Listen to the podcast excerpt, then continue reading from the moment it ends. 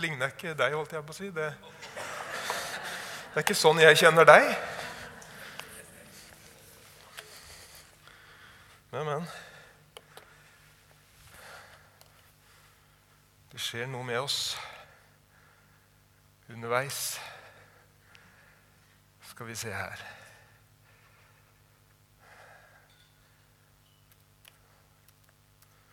Det var eh, fint å kunne komme hit i dag. Og jeg kjenner at jeg er engasjert i det jeg holder på med. Det engasjerer meg. Og eh, det budskapet her, det er et stort budskap. Så jeg håper også at det skal engasjere deg. Hva var det jeg tenkte jeg skulle si?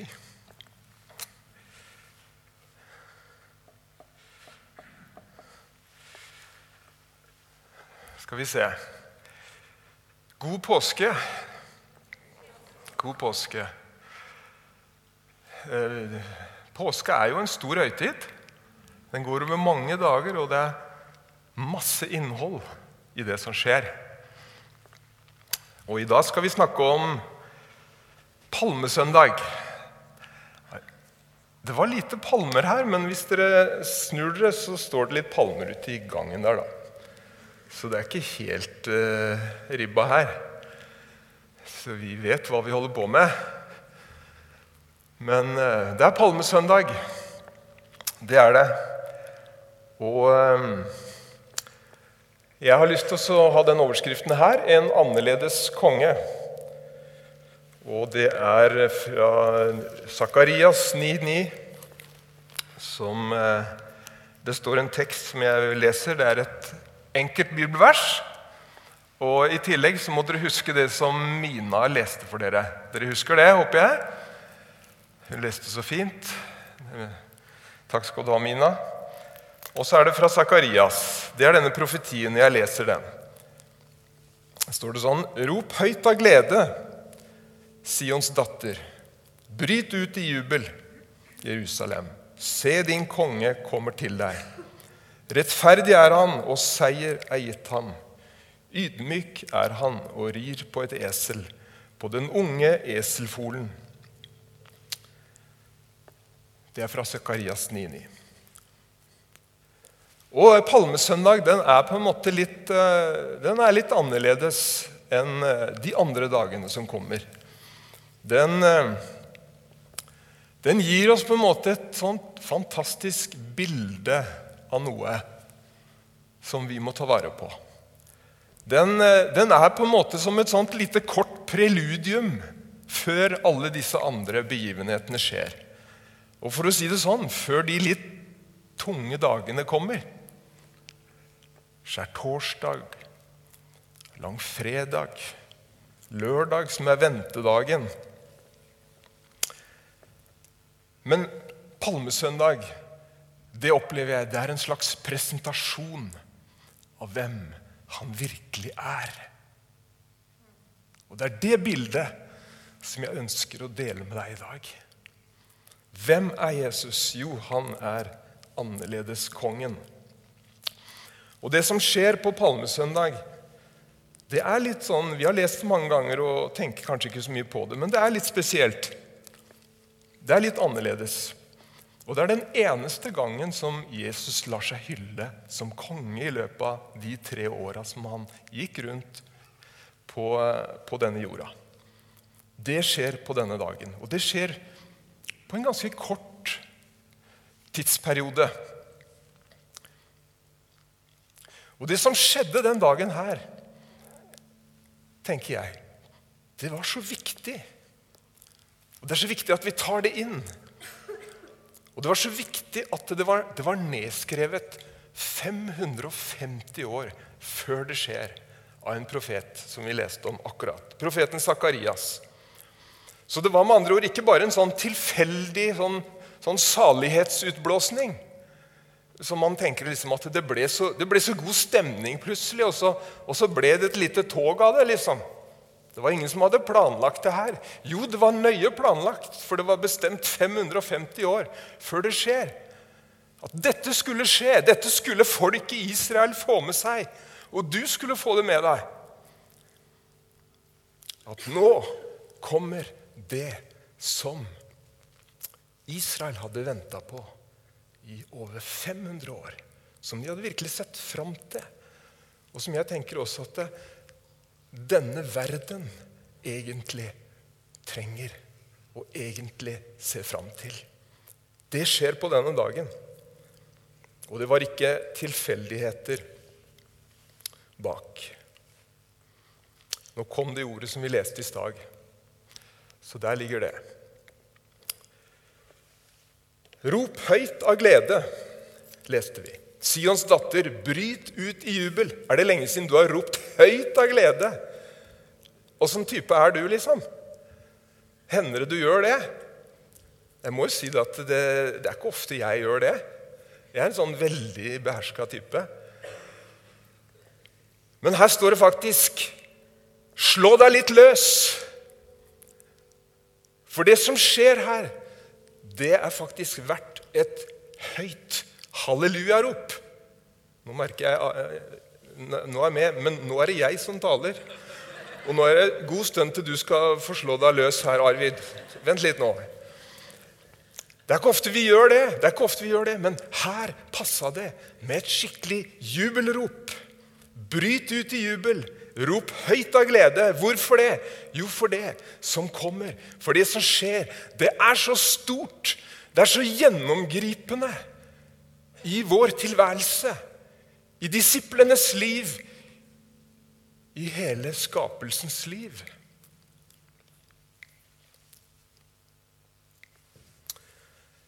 Det er ikke vanlig kost, tror jeg, at disiplene gjorde det her. Og eh, Jeg tror ikke det er fordi Jesus hadde liksom forberedt dem tidligere på dagen at hør her, gutter, litt seinere i dag så blir det et tog, og da må dere holdt på å si, skjerpe dere litt. Da må dere, Om ikke dere er så begeistret, får dere i hvert fall vise litt begeistring. Det lå ikke på det planet der. Vet du hva? Det er Gud som arrangerte det her. Og Det syns jeg liksom ligger over denne hendelsen som vi leser om her. At det, er ikke disiplene som hadde arrangert det her. Det er ikke de som liksom var arkitektene bak, og som hadde liksom forberedt seg veldig på det her. Men det var Gud som gjør sin gjerning i vår verden. Og i dag så er det palmesøndag. Og Gud har bestemt at uh, nå skal verden få et glimt av hvem han virkelig er. Han er frelserkongen. Han er den evige rettferdighetens konge. Han er fredens konge. Han er den kongen som det er gitt seier over alt det onde. Og så får disiplene være med på det. Er ikke det litt flott? Er ikke det en fin tanke? Det, I gamle dager så sang man en sang i evangeliuset, og den var sånn Hans kraft, den gjør meg til hva jeg bør bli. Har du hørt om den, Arvid? Den er for gammel for deg. Men jeg husker den. Hans kraft, den gjør meg til hva jeg bør bli. Og Det er liksom noe av det som ligger i denne seansen her. Og jeg tenker dette er noe av evangeliet. Han har en plan, og så tar han oss med i det som han gjør, og som han vil gjennomføre. Amen. Jeg er ikke ferdig. Tenk deg det. Til tross for veldig enkle rammer. En eselfole som ingen hadde sittet på. Den var ikke innkjørt. Det var palmegreiner som det var nok av der nede. Og det var vanlige hverdagsklær, kanskje, i stedet for rød løper. Og også disiplene her Til tross for denne enkle ramma så var de plutselig med på noe veldig stort. De var med på noe mye større enn det de forsto sjøl. Det leser vi om Johannes. Der står sånn Dette skjønte ikke disiplene med det samme. Men da Jesus var blitt herliggjort etter oppstandelsen, husket de at dette sto skrevet om ham. Og så har jeg bare lyst til å gi deg den. Kanskje vi også er med på noe stort. Kanskje du og jeg også er med på noe som er mye større enn det vi ofte tenker og forstår. Hvorfor det? Jo, fordi vi er sammen med Jesus. Det var det de var. De var i følge med Jesus. Og så var de plutselig med på noe stort. Jesu inntog i Jerusalem denne dagen det viser meg at han var en annerledes konge. Og så har jeg lyst til å si litt på hvilken måte han var annerledes. For det første Jeg surrer med den her i dag, altså. Det skulle jeg egentlig hatt tidligere. Jeg liker det bildet der. Det ligger en tornekrone nederst der, som du sikkert ser. Nei, du ser den ikke. Den ligger der. Og så har du korsa. Men så har du noe øverst i høyre hjørne. Det er løven. Ikke sant? Vi har så ofte så lett for bare å se korset. Vi har ofte så lett for å bare se det som er så lite, det lille eselet og disse enkle tinga og dette som kanskje mer smaker av nederlag. Men Gud er der. Det er Gud som står bak. Det er Han som gjør sitt verk. Det er Han som har regien også denne dagen når kongen skal føres fram. Men på hvilken måte var Jesus annerledes? Jeg har skrevet her han er evig konge. Det er noe med det at konger de kommer og går. Jeg husker kong Olav. Nei, ja, kong Olav, ja. Han, eh, han, er jo død nå.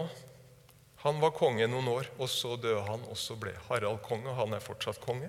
Om noen år så er det eventyret over også, og så kommer det en ny konge. Det er jo sånn det ofte er. Men med Jesus er det annerledes. Han er evig konge. Og det er noe med det at Jesus han kom ikke for å bli konge. Kanskje noen tenker det. Han var på vei liksom mot Jerusalem for å, for om mulig klare å innta den politiske tronen i Jerusalem. Men det var ikke sånn. Han er allerede konge der han kommer. Og Derfor så kom han heller ikke på noen stridshest. Han kom på et esel med fred. Amen. Og Jesus han, han var konge den gangen som han lå i krybben. Var ikke det vismennene sa? Hvor er denne jødenes konge som nå er født? De hadde skjønt det. Og Han er konge også denne palmesøndagen når han rir inn i Jerusalem. Og Jesus er også konge den dagen han står for Pilatus i avhør. Så sier Pilatus til han, 'Så er du da konge.' Så sier Jesus, 'Du sier det. Jeg er konge.' Og Jesus var også konge når han befinner seg i sin dypeste fornedrelse på korset. For det husker du kanskje at det øverst på det korset så sto det en tekst.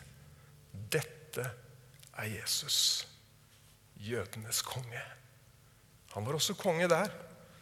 Inger, nå må du komme opp.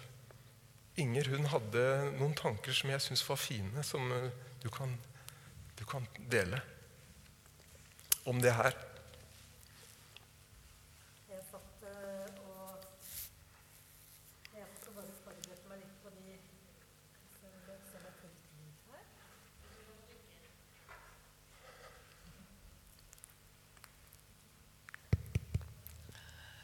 eh, og forberedte meg litt eh, og kikka på påsketekstene. så jeg ble litt sånn inspirert når jeg begynte å lese på det som skjedde på Palmesøndag.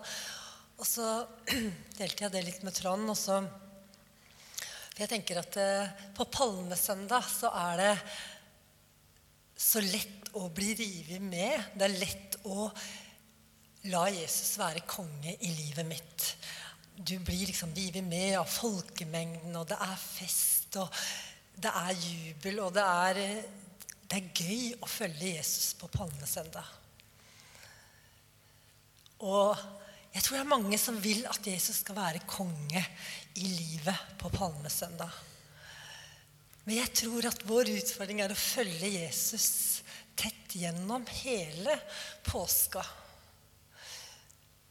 Følge Jesus til korset. Når vi, når vi i vår lidelse, i vår smerte, kjenner at vi Hva skjedde nå? Jeg skjønner ikke hvorfor det her eh, skjer. Hvor er Gud hen nå? Men ved korset så er Jesus også konge. Og la Jesus være konge i livet vårt. Også når vi kjenner på disse tinga som vi ikke skjønner, når det er litt tungt, når vi er litt nede, så er Jesus også konge. Og jeg tror det er lurt av oss å la han få være det midt i den situasjonen også. Fordi Jesus, han blir aldri i lidelsen. Han blir aldri bare på korset. For med Jesus så vil det alltid komme en oppstandelse. Jesus er konge i oppstandelsen, og i den oppstandelsen vil vi også oppleve i våre liv. Men vi har jo hatt den serien her med lang lydighet, så jeg tror på det her at vi trenger å tenke at Jesus han skal være vår konge når det er fest, når det er gøy, og alt går veien. Men, hvis, men Jesus skal få være konge også når vi kjenner at vi undres og vi skjønner ikke hva som skjer. Vi er ved korset, ved lidelsen. For vi vet at det kommer en oppstandelse. Det vil det alltid gjøre, også i våre liv. Og det er vårt store håp. Så vi kan trygt følge Jesus gjennom alle sesonger i våre liv. Gjennom hele påskehistorien. Og det er noe trygt for Jesus. Han kommer ikke til å svikte oss på noen måte. Takk skal du ha. Ta det. Så bra. Annerledeskongen, han er evig konge. Ja. Jeg, jeg, går videre. Hvordan er denne kongen? Han er rettferdig. Rettferdig er han, leste vi. Og hva betyr det? Det er kanskje et litt sånt eh, ord som ikke man tenker så mye på. Bare tenk litt på det. Det at han er rettferdig Det er mange forskjellige slags konger. Det er mange forskjellige slags statsledere. Vi er vitne til det også i vår tid. Rettferdig betyr at han gjør det som er rett. Det var en profeti, det vi leste fra Sakarias, om at en dag skal det komme en konge som gjør alle ting rett. Er ikke det fantastisk? Å få en sånn konge. Det er jo bare drømmen. Det er jo det alle vil ha, men han kommer jo aldri. Men her kommer han. Og jeg har lyst til å si det sånn personlig til deg også. Du kan være trygg på at han aldri vil gjøre deg urett. Fordi han er rettferdig konge. Og Vi ser det hvordan han møter mennesker i evangeliene. Og Vi ser det også den dagen hvor han reagerer på uretten i tempelet. Det har vi ikke lest, men hvis du har lest Bibelen, så vet du at han gikk opp på tempelet, og så blei det skikkelig, en skikkelig oppvask, for å si det sånn. Han tok tak i uretten. Han tok tak i disse som berika seg på urett vis. Disse som skapte problemer for de som hadde dårlig råd, ved at de måtte veksle i en spesiell valuta. Og så tok de overkurs, og så berika de seg på folks gudslengsel. Han dreiv de ut. Rettferdig konge. Og at Jesus var rettferdig, det er også grunnen til at hans vei i påska også går om korset. Han gjør opp for oss, alle mann. Ikke for sin egen urett, men for din og min. Selv om vi har stort sett vært snille, har vi ikke det? Men vi vet vi trenger også nåde. Og Jesus glatta ikke bare over. Han gjorde det som var rett. Og derfor så ble også denne kongens første krone i denne verden det ble en tornekrone.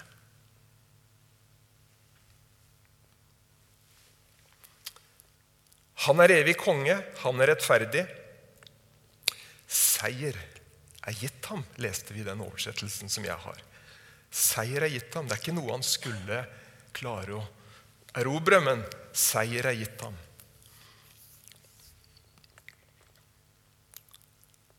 Og Det er noe med det på palmesøndag. Så er det akkurat som en sånn usynlig virkelighet som plutselig blir synlig. Jeg snakka litt om det i starten. Virkeligheten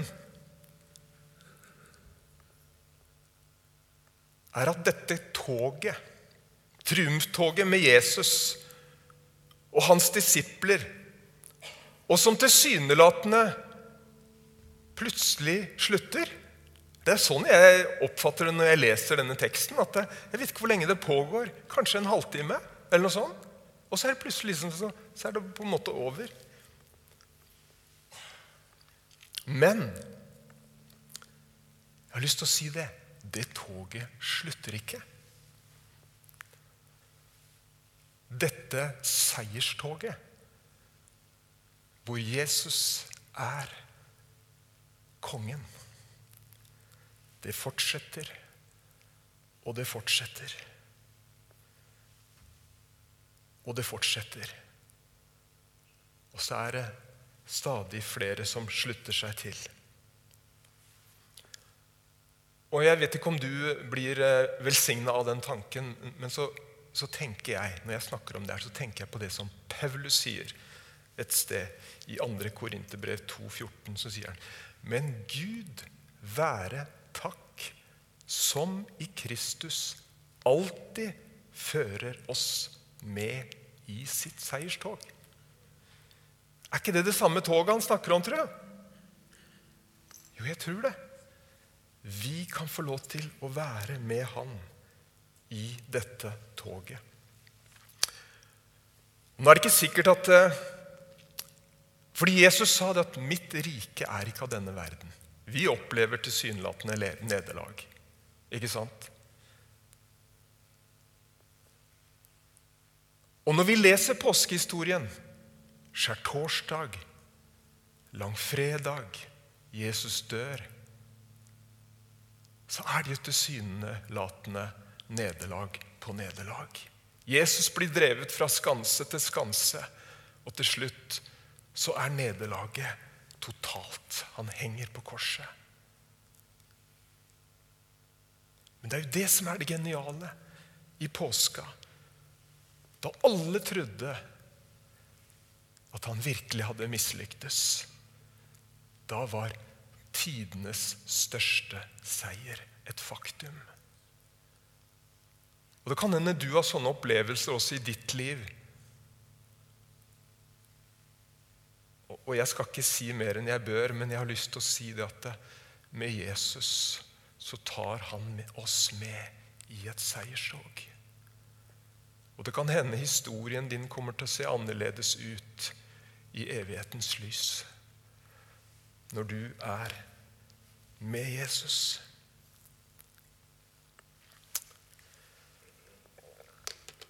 Neste punkt han er ydmykt. Når jeg betrakter Jesus i den teksten, så betrakter jeg en Jesus som har full kontroll under hele regien. Han vet på en måte alt som skal skje, og han har det klart. Ser du det? Kanskje ikke du tenker på det, men det var ganske dristig, det han gjør her. Ikke sant? Det var masse folk. Det var i forbindelse med påsken, og Jerusalem svulma opp med masse mennesker. Og det var helt sikkert masse romerske soldater som hadde én oppgave, det å holde ro og orden. dette kunne bli tilløpet til den store skandalen. Men Jesus, han har regien. For han er løven, som du ser opperst i hjørnet på bildet der. Han har all makt. Og han er uredd, han er dristig, og han gjennomfører. Han velger et esel som aldri noen har sittet på, til å være med å oppfylle dette. Å, jeg liker det.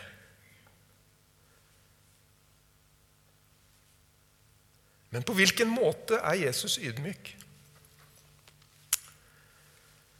Og Det, er, det syns jeg er fantastisk. At det, til tross for det at han er evighetens konge, han er Gud, så bøyer han seg ned, og så gjør han seg avhengig av det skapte.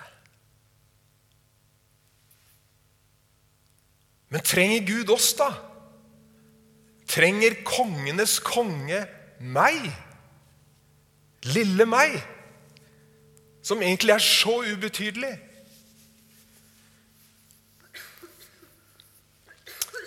Han gjør seg avhengig av to enkle disipler som går når han ber dem å gå, for å hente dette eselet.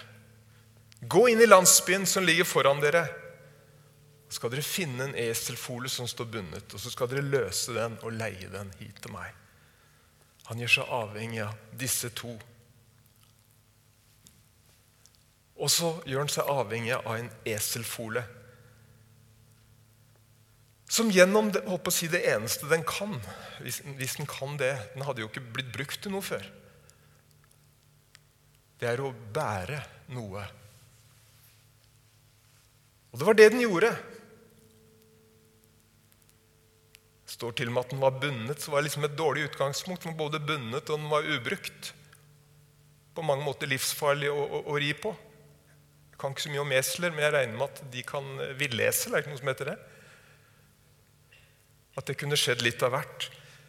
Men poenget er at det, han tar sjansen på oss. Og han gjorde seg avhengig også av dette eselet. Fantastisk. Jeg må bare vise det her at eh, her er eh, evangeliet på fredag mellom 300 og 400 ungdommer. Eh, for å si det sånn, det masse, Her er det masse unge esler som aldri noen har sittet på. Men de var kommet hit for å gi respons på budskapet som vi snakker om i dag. Fantastisk. Jeg ville bare gi deg den for bli, at du skal bli litt inspirert.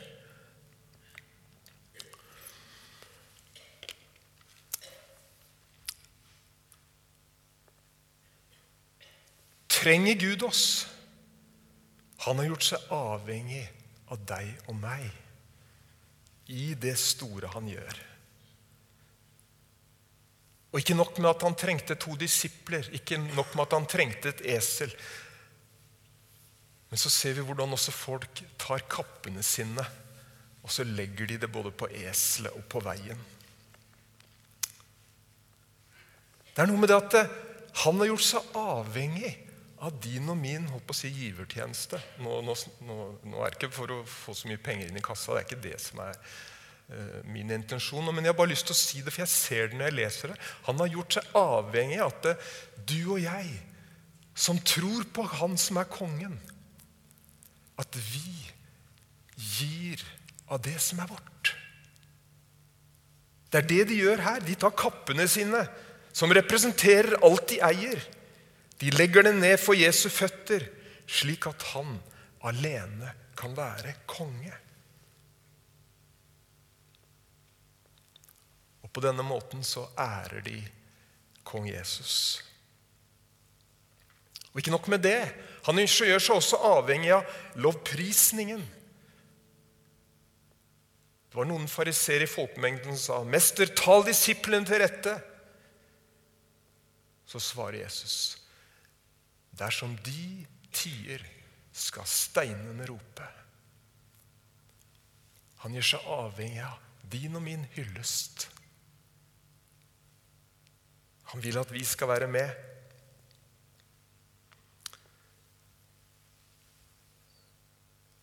Det kan hende du og jeg også får det samme spørsmålet som disse to disiplene fikk. Hvorfor løser dere eselet? Kanskje, kanskje noen tenker hvorfor bruker du din tid og dine gaver for Jesus? Hvorfor kommer du etter søndag etter søndag på en gudstjeneste og lovprise Jesus? Hvorfor gir du penger til Guds rike? Du kunne trengt de sjøl. Det er klart du kunne brukt de på andre ting. Kanskje familien din kan lure på det. Kanskje arbeidskollegene dine undres, eller kanskje noen ganger også stiller deg sjøl det samme spørsmålet. Hvorfor holder jeg på med det her? Hvorfor gjør jeg dette?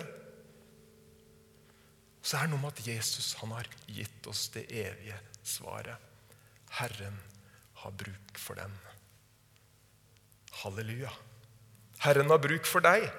Du og jeg skal få være med i å bringe kongen fram og gi han ære. Vi skal få være med og løfte han opp, han som denne verden venter på. Se, din konge kommer til deg. Jeg skal avslutte med det. Det er noe personlig over palmesøndag. Se, din konge kommer til deg. Han kom ikke først og fremst for å bestige en politisk trone, men han kom for å henvende seg til deg og meg. Han kommer til meg. Og så tenker jeg Han fortjener en respons. Fordi dette er stort. Disse folka vi leste om, de ga han sin respons. De brukte noe av det de hadde. Og så fikk de være med på det største. Og så tenker jeg også at eh, Jesus utfordrer deg og meg i dag på denne palmesøndag. Det kan hende du vet at eh, jeg gir han responsen min på denne måten. Men jeg har lyst til å utfordre deg til å være med og gi Jesus en respons. Fordi det betyr så mye. Det vil få så stor betydning for deg. I forlengelsen av det som Mina leste, så leser vi hvordan Jesus gråt over byen. Han gråt over Jerusalem. Og han sier at hadde du bare visst hva som tjente til din fred på denne dag, men det er skjult for deg. Det betyr noe for deg. Det får utrolige konsekvenser for våre liv. At vi tar imot ham. At vi gir ham tronen i livet vårt. Og han presser seg ikke på. Vi må invitere ham. Og så ser jeg også at det får lov til å bety noe for våre omgivelser. Hvis vi leser videre, og i parallellteksten i Matteus, så leser vi hvordan barna ropte Hosianna i tempelet når Jesus var der. Og han hadde jaga ut all uretten. Så ser vi hvordan barna gir av sin ekte respons til Jesus. Og atmosfæren endrer seg i tempelet, og som gjør at Jesus får bli synlig. Jesus får lov til å utøve noe av sitt kongerike. Han møter noen mennesker som han løser ut ifra sykdom og fra undertrykkelse. Ja. Og da skal jeg sette meg Nå kommer sangeren opp. Nå kan dere komme opp. Og så, og så bare avslutter jeg med det. Vet du hva? Dette med Jesus er noe stort. Og jeg bare jeg ønsker at vi skal få lov til å se noe av den storheten, og at vi skal få lov til å gi vår respons. At vi også skal få lov til å være med og bringe denne annerledeskongen inn i våre familier, inn i våre miljøer der hvor vi befinner oss, og der hvor Gud kan bruke oss. Amen.